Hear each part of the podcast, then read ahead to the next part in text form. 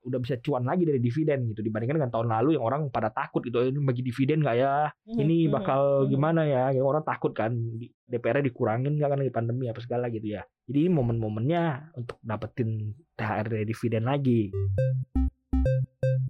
tapi misalnya sobat cuan pengen cari pertambangan PTBA kan belum bagi tuh PTBA belum. PTBA PTBA, belum kapan sih bagi. ngas- ngasihnya? PTBA biasanya bulan-bulan 45 ini jadi pas banget kalau pengen THR. THR sebenarnya momentum belinya kalau lu memang dividen hunter ya Mm-mm, itu tuh bukan hunter, waktu iya, iya. diumumin mau bagi dividen berapa. Beli sebelum sudah diumumkan bakal bagi dividen berapa gitu. Paham Pantauan Saham. Makin paham makin cuan. Hai Sobat Cuan, apa kabar? Semoga selalu dalam kondisi sehat ya. Puasanya juga masih lancar. Bentar lagi lebaran. THR udah cair belum? Mudah-mudahan ada THR dari banyak kantong ya. Seperti biasa selalu datang di pantauan saham. Makin paham makin cuan. makin cuan. Barang Maria Katarina dan juga buat Triputra Tim Riset CNBC Indonesia. Oke, indeks harga saham gabungan udah kemarin udah sempat all time high 7.200 ya kan. Berarti kan akan ada THR THR yang muncul dari saham-saham ya. Menurut lo akan seperti apa nih THR dari saham? Kalau kita kan bahasa THR dari saham ya sobat cuan artinya adalah sobat cuan yang mungkin sudah punya saham, sudah beli saham, lagi ada keuntungan direalisasi nah itu THR-nya. Kalau THR dari kantornya sobat cuan masing-masing ya sok aja lah nikmatin ya. Nah ini uh, kita bicara mengenai uh, kemungkinan besar banyak saham-saham yang meningkat harganya cukup signifikan di tahun ini atau di lebaran tahun ini ya di bulan puasa. Ini lo ngeliatnya kayak gimana sih as a trend? Ya sebenarnya bulan-bulan ini itu kan biasanya musimnya itu Mm-mm.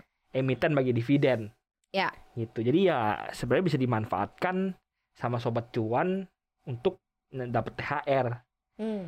gitu Kemarin kan ada beberapa juga yang sempat uh, dibahas juga ya sobat cuan ya. Uh, dividennya dari core uh, sektor pertambangan, kemudian banking juga ngasih ya. Hmm. dividen. Terus kemudian ada beberapa deh yang siap ngasih dividen. Ada ada jadwalnya waktu itu sempat juga di CNBC Indonesia TV. Tapi seberapa besar? Dan kalau dilihat dari tren pembagian dividen nih rata-rata se- eh, spreadnya seberapa baik gitu ya dari tahun lalu tahun sebelumnya.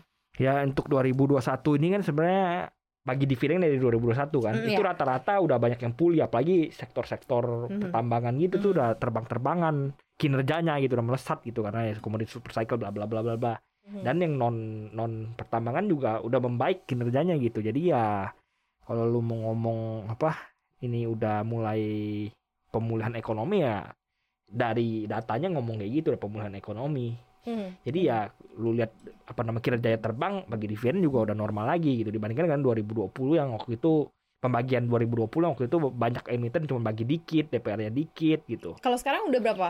Rata-rata dari total totally kan berarti dia sudah menguntungkan, perusahaannya sudah eh, bergeliat lagi gitu Hmm. kan, kurang lebih di 2021. Nah, ini yang di-share sebagai dividen eh, yang lo lihat cukup besarkah, lebih besarkah daripada tahun lalu? Ya jelas lebih besar dan udah mulai normal lagi malah gitu. Oh, Bahkan ada yang oke. beberapa yang udah udah bagi lebih gede gitu. Contohnya kayak BRI kan udah bagi lebih gede secara DPR ya. Mhm. Udah bagi lebih gede dibandingkan dengan pre-pandemi Mhm. gitu. Mhm. Jadi ya udah mulai udah mulai normal artinya gitu. Udah bisa cuan lagi dari dividen gitu dibandingkan dengan tahun lalu yang orang pada takut gitu. Ini bagi dividen nggak ya?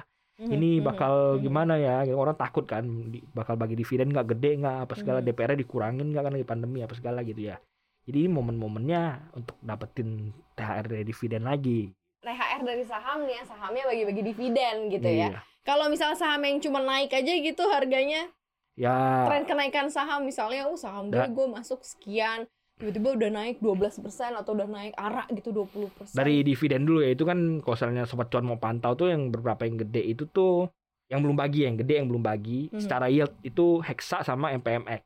Oke, MPMX itu kurang lebih logistik. 9 apa? logistik ya, alat berat sama logistik ya. Eh, MPMX itu jualan motor, jualan motor. kendaraan, Oh jualan iya, iya, kendaraan. oke oke. oke. Mitra Mitrastika, Mhm. Daihatsu, apa Suzuki apa gue lupa. Oh Mitra Pinastika, Iya, iya. Mustika, oke.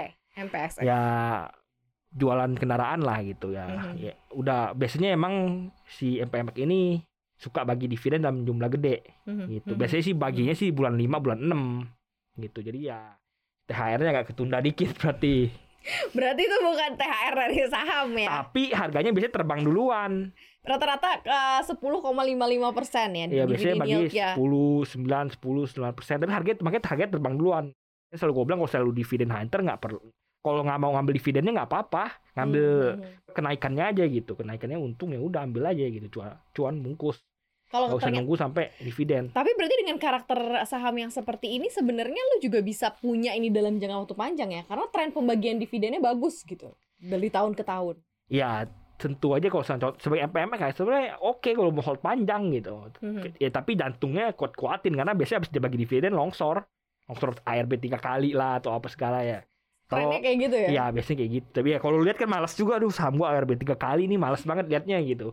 Padahal kan sebenarnya duitnya juga masuk ke lu gitu dalam bentuk dividen tapi bulan depan kan biasanya pembagiannya kan dua tiga minggu baru masuk dalam bentuk cash gitu. Oke, MPMX ya Mitra Pinastika Mustika itu ya MPXX. Kemudian eh, ada Hexa tadi di-mention juga Hexa tuh sama biasanya Putra jauh ya. lebih jauh apa apa namanya pagi dividennya le- jauh lebih lama jauh lebih apa Hmm. namanya di akhir tahun 9 10 bulan 9 bulan 10 gitu baru bagi Dividen yieldnya mencapai 19,63 persen. dividen yieldnya juga gede gitu Gede, Ya, untuk tahun yes. ini most likely 10 persenan lah Mhm, gitu mhm, bisa lu mhm. bungkus ya ini kalau pengen cuannya dari dividen itu gitu tapi kan mereka kan biasanya udah udah udah, udah rampungkan dulu kira-kira mau bagi dividen berapa jadi harganya udah udah mulai naik gitu menjelang bagi dividennya beneran Nah ini tuh sebenarnya kayak eh, trik juga ya kan ada orang yang memang mau eh, cuan dari dividen mau dapetin dividen dari Iya. saham itu terus akhirnya beli nih sebelum bagi-bagi dividen nah biasanya kan setelah bagi dividen bakalan turun nah ini sebenarnya mendapatkan momen momentum yang Yes, pas makanya sebenarnya gitu sih. momentum belinya kalau lu memang dividen hunter ya, Mm-mm, itu tuh bukan hunter, waktu ya, ya. diumumin mau bagi dividen berapa.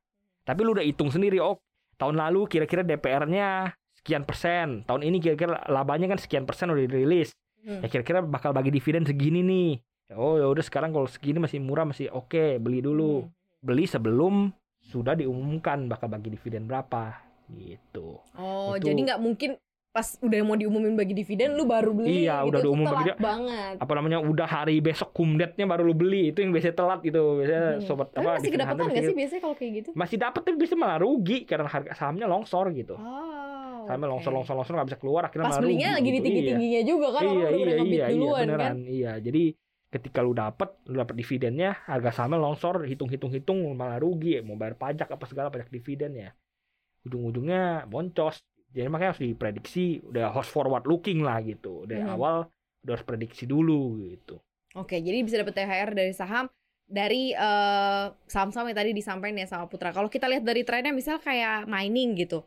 Eh, khususnya pertambangan itu juga kan termasuknya relatif cukup rajin ya bagi iya iya dividennya. dan dividen dalam jumlah gede gitu tapi ba- banyak kan mining mining udah pada bagi-bagi gitu tinggal dikit doang yang belum bagi Sebenarnya kan bisa dividen hunter sampai tahun depan.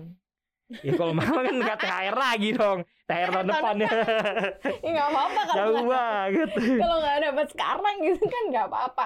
Nah sebenarnya apa sih yang bisa kita em, pilih gitu ya? Artinya lo termasuk yang dividen hunter juga gak sih? Gue nggak gitu ngejar dividen sih ya males Nah, lo berarti laporannya apa segala tapi Berarti Iya. lo termasuk yang ngejar eh, range ke margin iya iya kenaikan iya harga iya, kan? iya.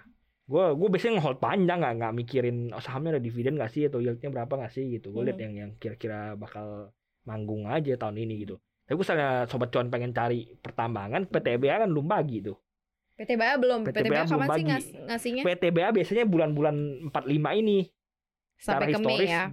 4 bulan 4 bulan 5 gitu. Jadi pas banget kalau pengen pengen apa namanya THR, THR, 2,09 persen. dan labanya kan terbang terbang tinggi ya Labanya, 2021 kan. Ya aku selalu pa- pakai yield apa misalnya dengan asumsi mereka bagiin 90% atau apa itu yieldnya lumayan gitu. Hmm. Mereka asumsi Berapa tuh kira-kira bagiin 90%. Hitungan lo. Ya sekitar 6 bagi 35 gitu lah 6 per 35 6 gitu. per 35, 6 per 35 sekitar 1. Ya 17 persen lah 17%, asumsi mereka ya. bagiin 90 persen ya 90 persen laba ya kalau Hmm. tahun lalu itu kan mereka bagiin cuman 40 persenan ya 40 persen Mhm, udah lu bagi mhm. dua berarti 17 persen bagi dua ya dapat lihat 89 persen ya not bad lah gitu Iya. Lumayan lah sobat cuan ya. Iya. Untuk ngejar di bulan 4 sampai bulan 5 ya. Iya, Kalau bulan habis empat, habis bulan lima. kalau habis eh, lebaran ya anggap aja tuh kayak THR tambahan. Karena THR lo ya. udah habis maksudnya. THR yang benerannya udah habis ini THR yang dari saham gitu. Nah, ini kan juga memang masih belum diumumkan ya. Ya udah Hmm. ini sebelum diumumkan ya golden opportunity-nya sebenarnya gitu. Sebenarnya kita bisa nggak sih eh, terus-terusan kalau kita lihat dari momentum kan kalau setiap saham tuh ada bagi dividen, terus kemudian nanti ada laporan keuangan. Secara tren sebenarnya tahunan lo bisa nggak sih menotis? Artinya saham ini nih sebenarnya akan naik nih. Karena bagi dividen rata-rata kan naik. Hmm. itu kan udah ketahuan banget nih orang. Nah kalau misalnya eh, dalam tahunan tuh ada nggak sih ha- bulan-bulan yang bisa dinotis? Nah lo kejar karena akan ada laporan keuangan. Mungkin mungkin akan ada eh, pembagian dividen. Nah itu ada nggak sih yang kayak gitu? Biasanya investor itu selalu pengen apa pengen cuan dari kenaikan harganya ya bukan dividennya ya. betul. Biasa kayak itu gue. tuh- gue juga pengennya Nah, gitu. Biasanya itu tuh nyari beggar. Iya, nggak beger biasanya. ya nggak apa-apa gue nyari beggar biasanya itu tuh naiknya itu habis di di di kenaikan sahamnya itu habis dikasih tahu mau bagi berapa sampai manajemennya tok saya mau bagi berapa ratus itu perak. kalau dividen kan Ya, Mm-mm. ya itu kenaikannya di situ gitu. Hari itunya, bukannya biasanya hari rilis lapor keuangan ya be aja kadang-kadang malah turun gitu. Hmm, Jadi hmm, hari ketok palu bagi dividen berapanya gitu. hmm. Tapi misalnya ketok palu yang nggak sesuai dengan ekspektasi investor malah longsor bisa-bisa. Kayak tahun lalu rokok-rokokan itu kan ada yang bagi dikit, eh, Ya. Unilever juga bagi, bagi dikit. PTBA juga bagi dikit, biasanya 90%, 80%, tahun lalu cuma bagi 40 Ya gitu. kan belum sepenuhnya Ya, makanya gue bilang, Itu kalau lu pengen tanda kutip berjudi di situ ya resikonya ketika dibagi tidak sesuai ekspektasi sahamnya malah longsor gitu. Tapi likely karena tahun ini udah normal ya bakal bagi normal gitu, bagi normal ya ketika diketok palu harganya naik gitu. Rata-rata emang kayak gitu ya berarti Rata-rata ya? biasanya kayak gitu ketika ketok palu, oh gue membagi berapa ratus gitu. Bahkan Hmm. biasanya kalau ada bo- kalau kalau bocor ke market kemarinnya malah udah naik duluan gitu. Iya kalau udah bocor, kalau Udah udah ada rumor-rumor market. kayak Putra gitu yang muncul Nah, kayak gitu. tahu. Nah, Kalau misalnya lo lihat nih indeks yang udah ke tujuh ribuan dua ratus ini, eh, lo ngelihatnya akan akan ke mana sih? Put artinya adalah bisa nggak sih ini akan nambah lagi nambah lagi sehingga cuan-cuan THR kita juga akan lebih banyak lagi dari margin keuntungan kenaikan harga. Biasanya sih udah mau Mei longsor dulu. Selling apalagi May and iya. go away ya. apalagi pada bagi-bagi dividen nggak habis bagi Hmm. dividen sama longsor yang kalau bagi dividennya nggak kontribusi ke IHSG Emang enggak. makanya Ke, ke retail dong. makanya ya makanya IHSG longsor gitu Karena lo udah mau realisasi lo semua enggak karena gitu ya. kalau misalnya lu bagi dividen kan uang keluar dari perusahaan kan uang keluar dari perusahaan kan Iya. kan berarti valuasi perusahaan turun kan Mm-mm. valuasi tu- perusahaan turun harganya turun kan harganya turun IHSG turun gitu jadi ya dekat-dekat Mei makanya biasanya di orang bilang sell in Mei karena orang suka bagi karena emiten suka bagi dividen Di bulan bulan 4 bulan Mei, 5 iya. gitu. Jadi ketika mereka bagi-bagi dividen valuasi turun harga turun HSG longsor. Berarti THR-nya emang bener di sobat cuannya diambilnya di akhir-akhir April ini. 45 aja 45 4 akhir 5 awal gitu. Empat akhir banget pas lebaran sebenarnya. Iya iya. Minggu-minggu terakhir lah, minggu bulan April cuannya. itu lo- liburnya berapa hari sih jadinya tuh? Nah, itu mesti kita Nanti tanya nanti tuh ya. libur bursanya kalau berhari-hari itu tuh nanti. Karena libur bursanya Iya. seminggu abis itu Iya turun kalau iya misalnya libur bursanya berhari-hari gimana tuh sampai satu minggu libur bursanya? Kalau misalnya setahu gue itu dibahas jadi libur bursa ya, tapi biasanya libur bursa itu Penting juga ngekor. ini jadi kapan TP-nya gitu. Iya, karena kalau Iya karena, karena kan, kan harus ngekor kalau misalnya ada cuti bersama atau apa kan nih libur juga biasanya. dan kan. belajar dari pengalaman tahun-tahun sebelumnya, Iya. Bursa Efek Indonesia memang selalu ngekor uh, ketetapan Iya pemerintah. iya pasti. Kita pemerintah sudah menetapkan liburnya tanggal 4, 5, 6 Iya. uh, Mei gitu ya karena tanggal 2 dan Satu 3-nya minggu, libur. 10, 10 hari ya total Berarti ya. hitungannya ya eh kalau dari tanggal 28 eh 29 29 April hmm, 2 3 4 5 Mei itu dihitung Sabtu Minggu 10 10 hari. 11 hari. Nah, ini ini udah ngitung mau liburan ke mana kayaknya udah Iya, tahu nih. ngitung. 10 11 hari coba coba. Berarti Iya. dari 20 eh, kalau misalnya benar bursa mengikuti ya dari 29 April sampai tanggal 8 Mei, ah, 6 Mei itu nggak akan ada transaksi, jadi Iya. lo harus Dua tap minggu TP. nggak trading. Iya, lo nggak bisa trading. Iya, di lu harus TP, lu harus TP tiga Se- hari tiga hari sebelumnya. sebelum tanggal Iya. 29 April supaya lo dapet THR ya. Iya, supaya bisa ada uang dipakai selama Iya. 10 hari Tiga itu, hari gitu. sebelumnya itu sekitar tanggal 26 20 baru cash 27 out April. Gitu, iya. Karena uh, biasanya P2 dana kan? lo ca- cairnya H, P2. A, H, H plus 2. Ya itulah. Kita coba hitungin buat sobat Tapi cuan. kan ya. biasanya pemerintah suka revisi-revisi dia udah deket-deket tiba-tiba covid Nggak, naik kayak nggak jadi gitu. Nggak, ini, ini udah beli tiket nih kayak udah beli tiket. pemerintah tuh tidak Hmm. merevisi. Pemerintah eh, pemerintah justru merevisi dari ketetapan awal. Jadi libur yang panjang ini adalah hasil revisi pemerintah. Karena sebelumnya kita cuma libur 2 sama 3. Iya, most like eh, kan bisa aja nanti deket-deket misalnya kasus covid naik atau apa loh nggak jadi deh, nggak jadi libur panjang. Bisa juga di tahun lalu kayak gitu kan Ya, di libur, revisi libur. kan. Libur sobat cuan Amin, amin. Gue juga pengen libur. eh enggak, gue tetap kerja kita kok orang media. Ya emang tetap kerja Gua mau nangis. libur.